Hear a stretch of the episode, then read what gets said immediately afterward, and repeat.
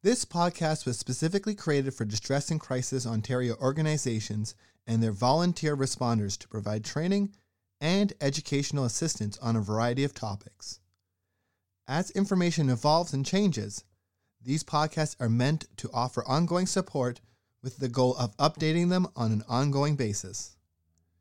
We thank the volunteer responders and the contributors to this podcast. Please visit our website, dcontario.org, for more information and how to access free mental health services. Thank you.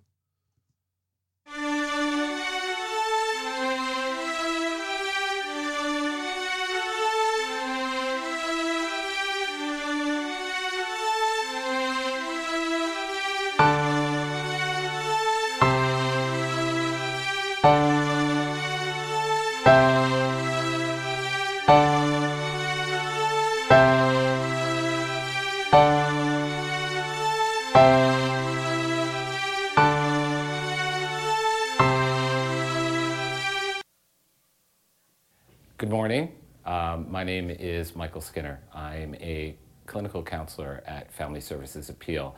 Um, in my present position, I support the LGBT community. I also am a, um, a youth specialist, and so I've come today to talk to you about supporting LGBT individuals, creating a positive listening space. I wanted to start off with doing some explanation of terms, terms that I think are very relevant to this presentation. I also want to go into how we can create a, a positive space for um, callers.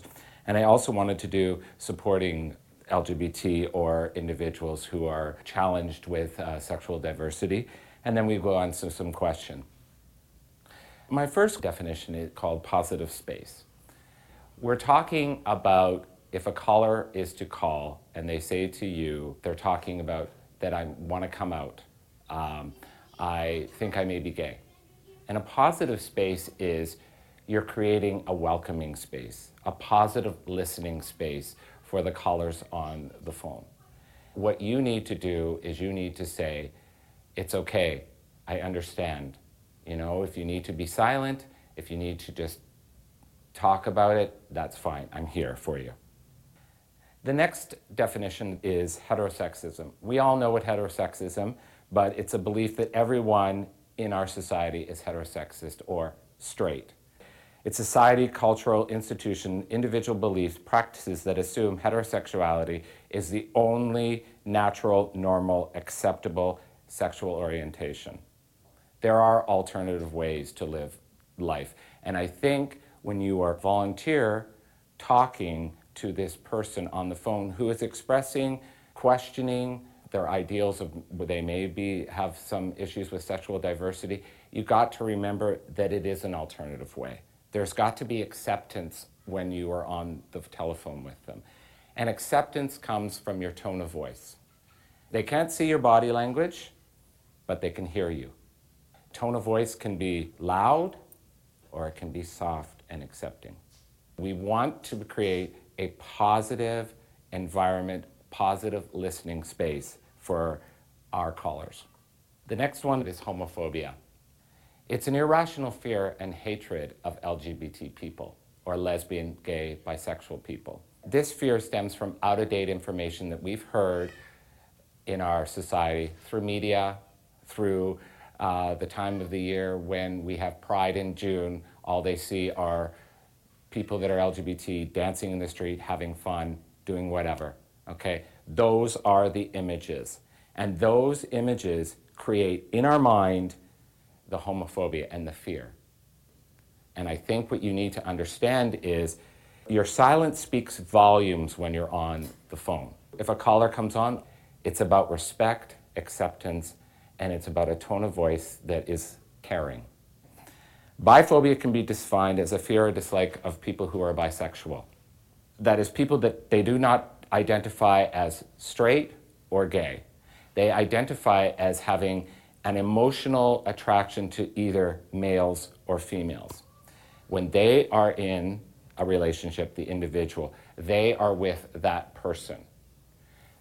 And when they are not in a relationship, they might flip flop, they might have different ideas about attractions to both sexes. The challenge of bisexual individuals is their relationship is come under challenges by both the straight or the heterosexist community and the gay community. They need to choose.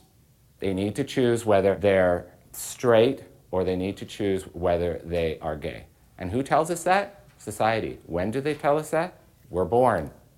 Society says you've got to be, uh, if you're a girl, you've got to be with a, a man, and if you're a boy, you've got to be with a girl. But innately, we're bisexual when we are born. It's society with all of the concept, the media influence that tells us that we got to be either straight or gay. Transphobia.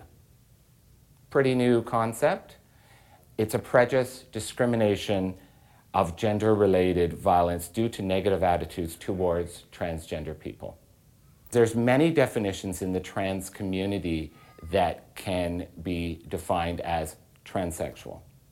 The whole idea of transsexuality and transgenderism is the people believe that they were born in the body that they are presenting as. So the traditional definition, trans, transgender, is they wear the clothes of the person they want to present or the gender they wish to present. And they refer to themselves as transsexual. The next definition is trans, and these are people who dress in the clothes of the gender they wish to present in, and they're taking hormones. The next one is clothing, hormones, and top surgery. The final one, which is the traditional definition of transsexuality, and I like to use this word, it's the whole hog hormone, clothing, top surgery, bottom surgery. Each of the four have discrimination with each other. The next definition is AIDSophobia. I've got it a lot when I was working on distress lines the fear of getting HIV and AIDS. Well, we all know today that it is not a death sentence. I think the number one reason people do not want to become gay or be gay is because they have a fear that they're going to catch HIV and AIDS. Well, okay, with proper safe practices in intimate encounters and knowledge, and knowledge is king. The more knowledge you know, the more that these people can be put to ease. I think a lot of this information we already have in our media. So I think you can offer it to the people, but you can also tell them if it's a tech savvy uh, young person, they can go online and they can find out stuff and information about AIDS and HIV. Another underlying layer is people's fear who are heterosexist and their fear that they don't want to be around people who are LGBT. Why? Because they feel they're going to catch it. They're not going to catch it. that really is a number one thing, especially for gay men. Oh my God, I don't want to be gay because I'm going to get AIDS. Not going to happen if we practice safe practices. Internalization. There is homophobia, biphobia, transphobia. It's a self hatred of themselves. Isn't that awful? And now they hear the media messages and they are afraid. And they hear, okay, I'm going to get AIDS, so I better not be gay. Oh, I'm going to get bashed if I'm trans. People think that I'm on the fence if I'm bi, so I'm not going to. So they internalize it and they say, I'm not that way. Well, you know what? That can cause a lot of harm to those people. And you are going to be dealing with that on the phone. You need to support them and say, you know what? There's an alternative way. You know, there's resources out there. You can help them realize. And even if they just want to sit there and talk, it's about acceptance. Don't for one second say, if they're gay, are you okay? Everything okay? Treat them a, would be China doll. They're not broken, they're not going to break.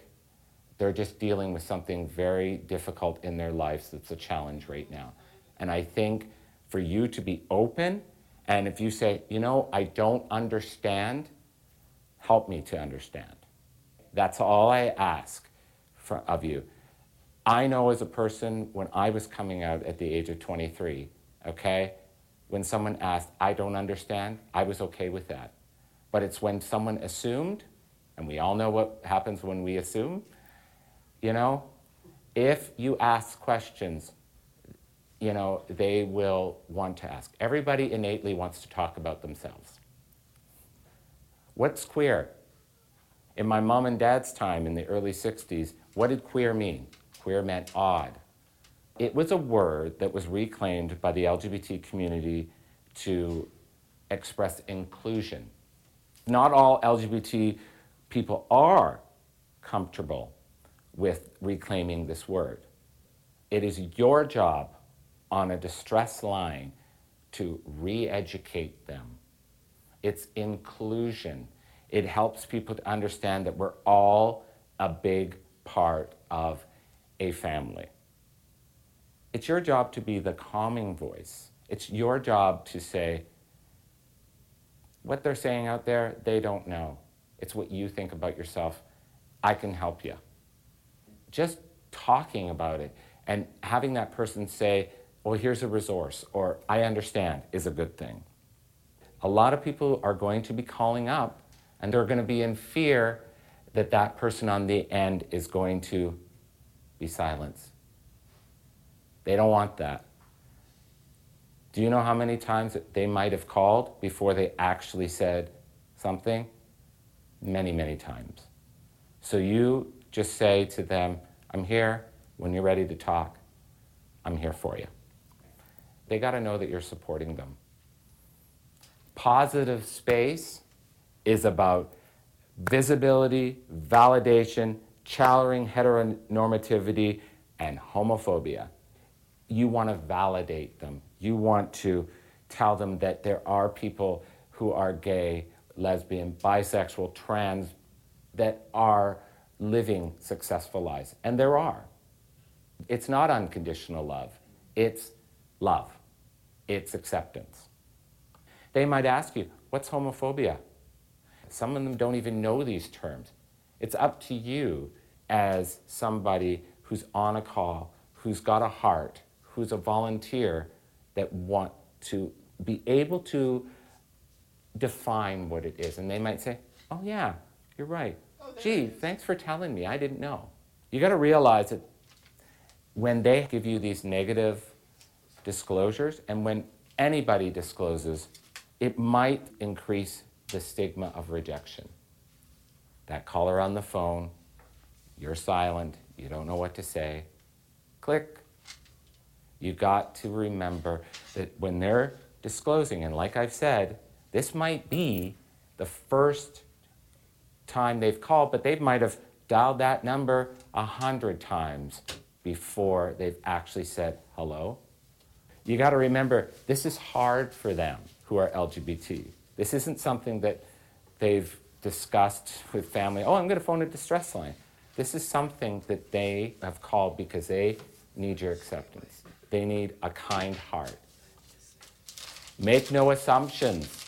You make no assumptions about a person's sexuality.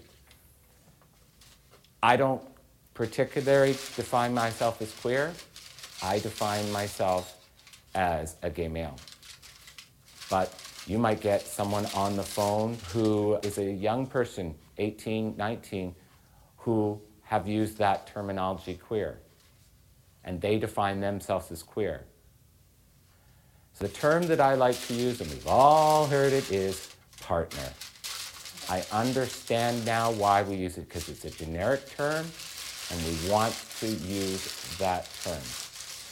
It shows A, you're knowledgeable, you're accepting, you're supporting. You understand that they may be of a certain alternative way of life. Empathize. You want to create an inclusive listening environment. You want to normalize LGBT or homosexuality. LGBT, homosexuality used in a different context. For safety's sake, it's okay to use the word homosexuality, but if you are talking to someone who has expressed to you as a volunteer, I'm gay, don't use the word homosexuality. Because the word homosexuality was a medical term. Use what they do. Provide an ongoing supportive environment. And as volunteers, you want to follow their pace on the phone. You don't want to go, oh, so you're gay? Okay, so I want to give you all these resources and everything. They may not be, whoa, they may not even be ready for that. They may just want to listen to uh, talk about their experiences that they have an emotional attraction to a member of the same sex. If everyone was liked out there and we were all loved and accepted, we wouldn't have the suicides that went on about two and three years ago. And this may be something that they may be calling you about. I don't know what to do. I'm thinking of doing something drastic. You have to be aware that you're accepting them. You have to make sure you tell them that you want to accept them. We're inclusive. Politically, we've had Bill 13, which is an anti bullying bill. If you get youth parents calling because A, they may be a victim, and then, or B, a parent may be called and say, My child's being bullied, I don't know what to do you can give them the strength and courage to say, well, in June, Bill 13 was passed by Premier McGuinty, and you know what? It has to stop. It also uh, allows for gay straight alliances in schools. No longer are we going to try and have them called diversity groups, they're gay straight alliances. We have a lot of resources Facebook, social media, Twitter, all these things, hashtag, whatever it says. But there are some really good likes on Facebook that you can tell kids about. And one of them is LGBT News that gives everything and everything about the LGBT community. And the next one I just absolutely love. And when I think about it, I'm like emotional. It's called Coming Out or Showing Support, where people can actually go on to the Facebook page and give their experiences of coming out. And I was reading it the other day, and there was someone who was 65 years old. We all think it's a young phenomenon. It's not. There are seniors, there are people in their 30s, their 40s that are coming out. So don't assume that if someone calls up and they have kids, well, you got a family already, be grateful. No, you don't know what the circumstances led up to that. Another one is called Unicorn Booty, but the name sounds, you know, but what it is, it gives more information about the LGBT community. And you can like it. You can search on Facebook. And the Gay Star News is all about certain things that happen in the LGBT community. Everybody's computer savvy these days. If you just give them this, they can go on and they can find, well, gee, that's me. Knowledge is the most powerful thing that we can have in this society. If you know a lot, what can happen is, is you can help that one person on the phone. And it makes you feel good as a kind-hearted, caring, accepting individual. Wow, I really helped this person. And that's what you want as a volunteer to give to your caller. So, Michael, I just had a question. Um, how are the isms described uh, differently from others apparent in society? When we talk about racism, sexism in our society, we wouldn't dare make a comment for fear of the zero tolerance policies in workplaces everywhere. We wouldn't dare. It could be cause for reprimanding that individual. However, when we talk about LGBT issues, it is still the only sort of ism or um, group that we can make fun of, joke about. Uh, it's very apparent in high schools when kids say, that's so gay, okay? Me as a 46 year old individual, not a big deal if I hear, that's so gay. But if you're walking down the halls and you hear one of your classmates say, that's so gay, what do they think? It's used in a negative connotation to mean awful, stupid, you know, the old connotations come back. So I think it's very apparent that we need to be aware that that is still something that we can still joke about and laugh about, and it, it is still accepted. Michael, what if there is a caller calling um, that they were fired, um, um, looking for work? Is there any employment agency resources we can refer them to?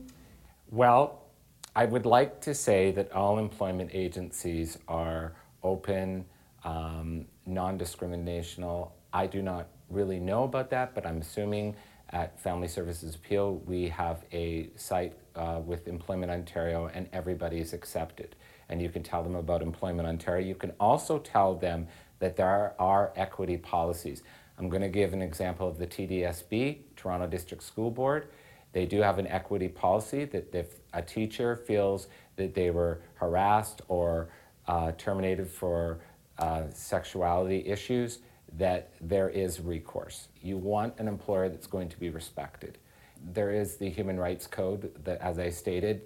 However, that's very hard to prove because it gets into a whole bunch of who heard it, documentation, everything. So sometimes people just say, oh, I'll move on because they make it really, really hard for you to go and make a claim unless you've got something to back it up with.